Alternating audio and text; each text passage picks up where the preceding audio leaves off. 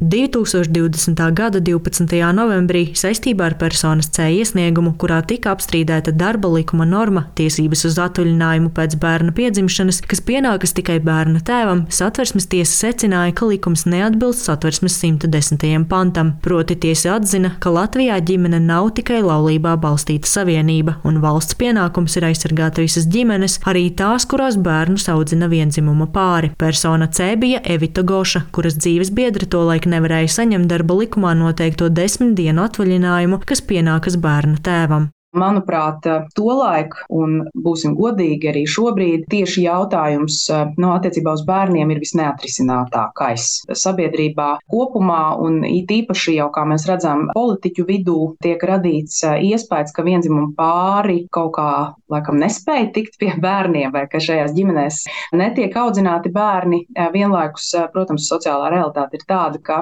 šie pāri to dara, un, un, un šajās ģimenēs turpina dzimt bērni, un šīs ģimenes turpina audzināt bērnus, un tie ir viņu bērni.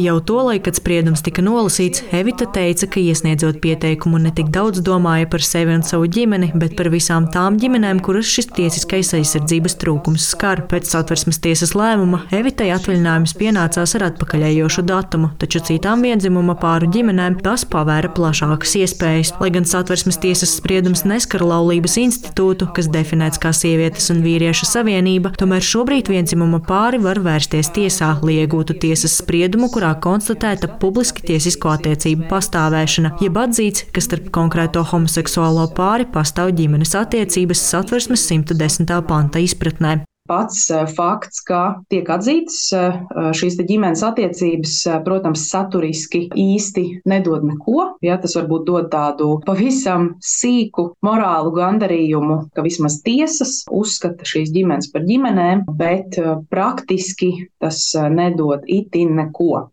Un šīs ģimenes, lai īstenotu konkrētu tiesību loku, vēršoties attiecīgās iestādēs, kur vien tas nepieciešams, ir spiestas būt atkarīgas no tā, kas īsti ir tie cilvēki, kas tur sagaida, kāda ir viņu attieksme, izpratne, zināšanas, vēlme sniegt atbalstu. Un tad atkarībā no tā iznākums ir vai nu labvēlīgs lēmums, vai arī atraidījums, vai arī tiesvedība, ja šis pāris ir gana izturīgs, ja, lai vispār to gribētu darīt. Šobrīd Latvijā tiesas ceļā ir atzītas jau 46 vienzimumu pāru ģimenes, un tāpat ir vairāk nekā 20 līdzīgi pieteikumi. Kustības dzīves biedri vadītājs Kaspars Zālītis stāsta, ka oficiālas statistikas par to, cik daudz Latvijā ir vienzimumu pāru ar bērniem vai bez, nav. Taču fakts, ka šādas ģimenes ir un to ir daudz, ir pavisam reāls. Tomēr gluži tāpat kā Evita, arī Kaspars Zālītis uzsver, ka šo ģimeņu atzīšana tiesā nepiešķir tām nekādas tiesības ģimenes vēlas tapt atzītas, jo viņas vēlas tapt redzamas sabiedrībā, tapt redzamas valstī, līdz ar to no šīs atzīšanas var izrietēt dažādas tiesības. Pašlaik šīm ģimenēm, kas ir atzītas tiesā, tiesību nav nekādu. Tas ir vienkārši tāds labs žests no tiesas puses, un uh, cilvēkiem ir vēsturisks dokuments, kas nosaka Latvijas tautas vārdā, mēs jūs atzīstam par ģimeni, bet tālāk jau nākošās tiesības atkal izrietēs no pārējām tiesvedībām. Kā skaidro zvērnāts advokāts Matīs Šķiņķis, satversmes tiesas spriedumā bija noteikts, ka valstī ir jāizveido sistēma, kas nodrošina vienzimuma pāru ģimeņu juridisko un sociālo-ekonomisko aizsardzību. Šis spriedums joprojām nav izpildīts, tāpēc vienzimuma pāru ģimenēm ir nācies uzsākt daudzas tiesvedības, lai citā veidā panāktu savas ģimenes aizsardzību. Ir gadījumi, kad uh, ģimene varbūt konkrētajā brīdī vēl nevēlas, vai viņam nav nepieciešamība kādu konkrētu praktisku, piemēram, situāciju risināt, bet šī ģimene vienkārši emocionāli vēlas tikt atzīta no valsts puses kā ģimene, Savā praksē es saskāries esmu visbiežāk ar situācijām ar bērnu drošību vai bērnu interesēm saistītas situācijas. Tad mantiskās attiecības ar šī sprieduma palīdzību ir ģimenes, kas vēlas nodrošināties, ka, piemēram, valstsiem dienests uz šīm ģimenēm arī skatīsies kā uz ģimenēm, un, ja, piemēram, partneri viens otram pārskaita naudas līdzekļus, tad neuzskatīs, ka šis ir ar iedzīvotāju ienākumu nodokli apliekams darbība. Tad ir uh, situācija bloks, kas ir tāds arī uh, emocionāls dabas jautājums jautājums, ko vēlas risināt, piemēram, uzvārdu maiņa. Arī zvērināts advokāts Edgars Pastars norāda, ka situācijas, ko vienzimumu pāru ģimenes vēlas risināt, ir ļoti dažādas. Tāpat arī ir daudz tādu ģimeņu, kas līdz galam neizprot, kā tālāk cīnīties par savām tiesībām, vai arī nevēlas to darīt, tāpēc vienkārši neiegūst noteikto tiesas spriedumu, kas pāri atzīst par ģimeni. Taču Pastars uzsver, ka visi tālākie tiesas procesi, kas seko pēc vienzimumu pāru ģimeņu atzīšanas, kopumā valstī izmaksā ļoti dārgi. Jo katra šī tiesvedība valstī maksā. Mēs varam neskaitām tiesnešu laiku, dokumentu apriti, lai arī advokātu honorāri tur šeit nav galvenais kriterijs šajā lietā. Ja?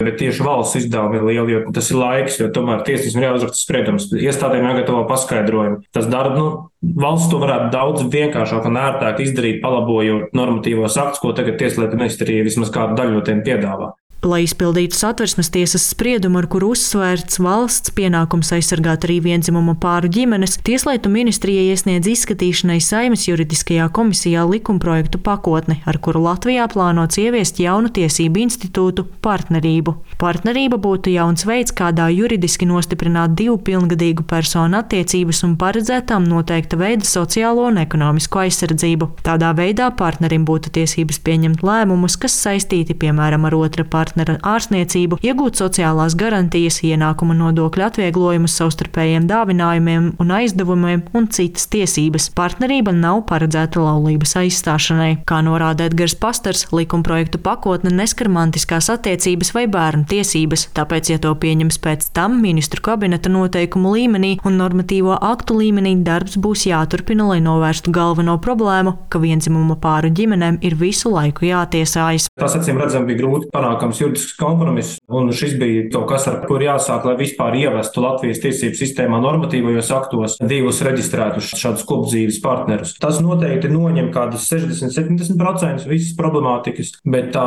specifiskās situācijas, visas normatīvajos aktos nav precīzi atrunātas šobrīd. Un tas arī, acīm redzami, šobrīd nav iespējams. Tā kā tur vēl vieta tiesībām būs, bet viņas būs daudz mazāk. Cilvēkiem nebūs jāiet uz tiesu, lai vispār nodibinātu šādu partnerību. Tur varētu būt tādas vēl lietas, kuras paliek, bet lielāko vairumu šis tieslietu ministrijas piedāvājums noņem, ja tā var teikt. Līdzīgi izsakās arī Evita Goša, atzīstot, ka par piedāvāto partneru attiecību regulējumu jūtas pretrunīgi, piebilstot, ka tas ir ne tikai par mazu un par vēlu, bet ka tiesvedības vienzimuma pāru ģimenēm tik un tā turpināsies cik cilvēkiem, strādājošiem, bērnu audzinošiem, ja, ir brīvā laika, lai tiesātos par jebkuru jautājumu, cik cilvēku ir gatavi tam. Nu, tas ir vienkārši pazemojoši pēc būtības. Mums satversmes tiesa ir aicinājusi likumdevēju kaut ko izdarīt, Likumdevējs to nav vēlējies darīt, un tas viss tiek atstāts šobrīd uz individu un iestāžu pleciem, lai viņi šos jautājumus nu, savā starpā kaut kā mēģinātu atrisināt. Tur ir jābūt uzņēmībai. Tas ir noteikti tipa cilvēki, kuri vispār nu, vēlas ja, to visu darīt, nu, kuri ir arī tik spēcīgi, lai to darītu. Nu, skaidrs, ka LGBT cilvēki ir tieši tādi paši cilvēki kā visi citi cilvēki ar kaut kādu savu dzīvi, savu ritmu, eh, savām iespējām, vēlmēm un tā tālāk. Partnerības regulējumu Saimas juridiskā komisija lēma virzīt pātrinātā kārtībā. Saimas sēdēt galīgajā lasījumā to skatīs jau rīt, 9. novembrī. Paredzēts, ka likumu grozījums stāsies spēkā 2024. gada jūlijā. To pieņemšanai paredzams Saimas vairākuma atbalsts, ko iezīmēja arī balsojumi Saimas juridiskās komisijas sēdē. Agnija Lazdiņa, Latvijas radio.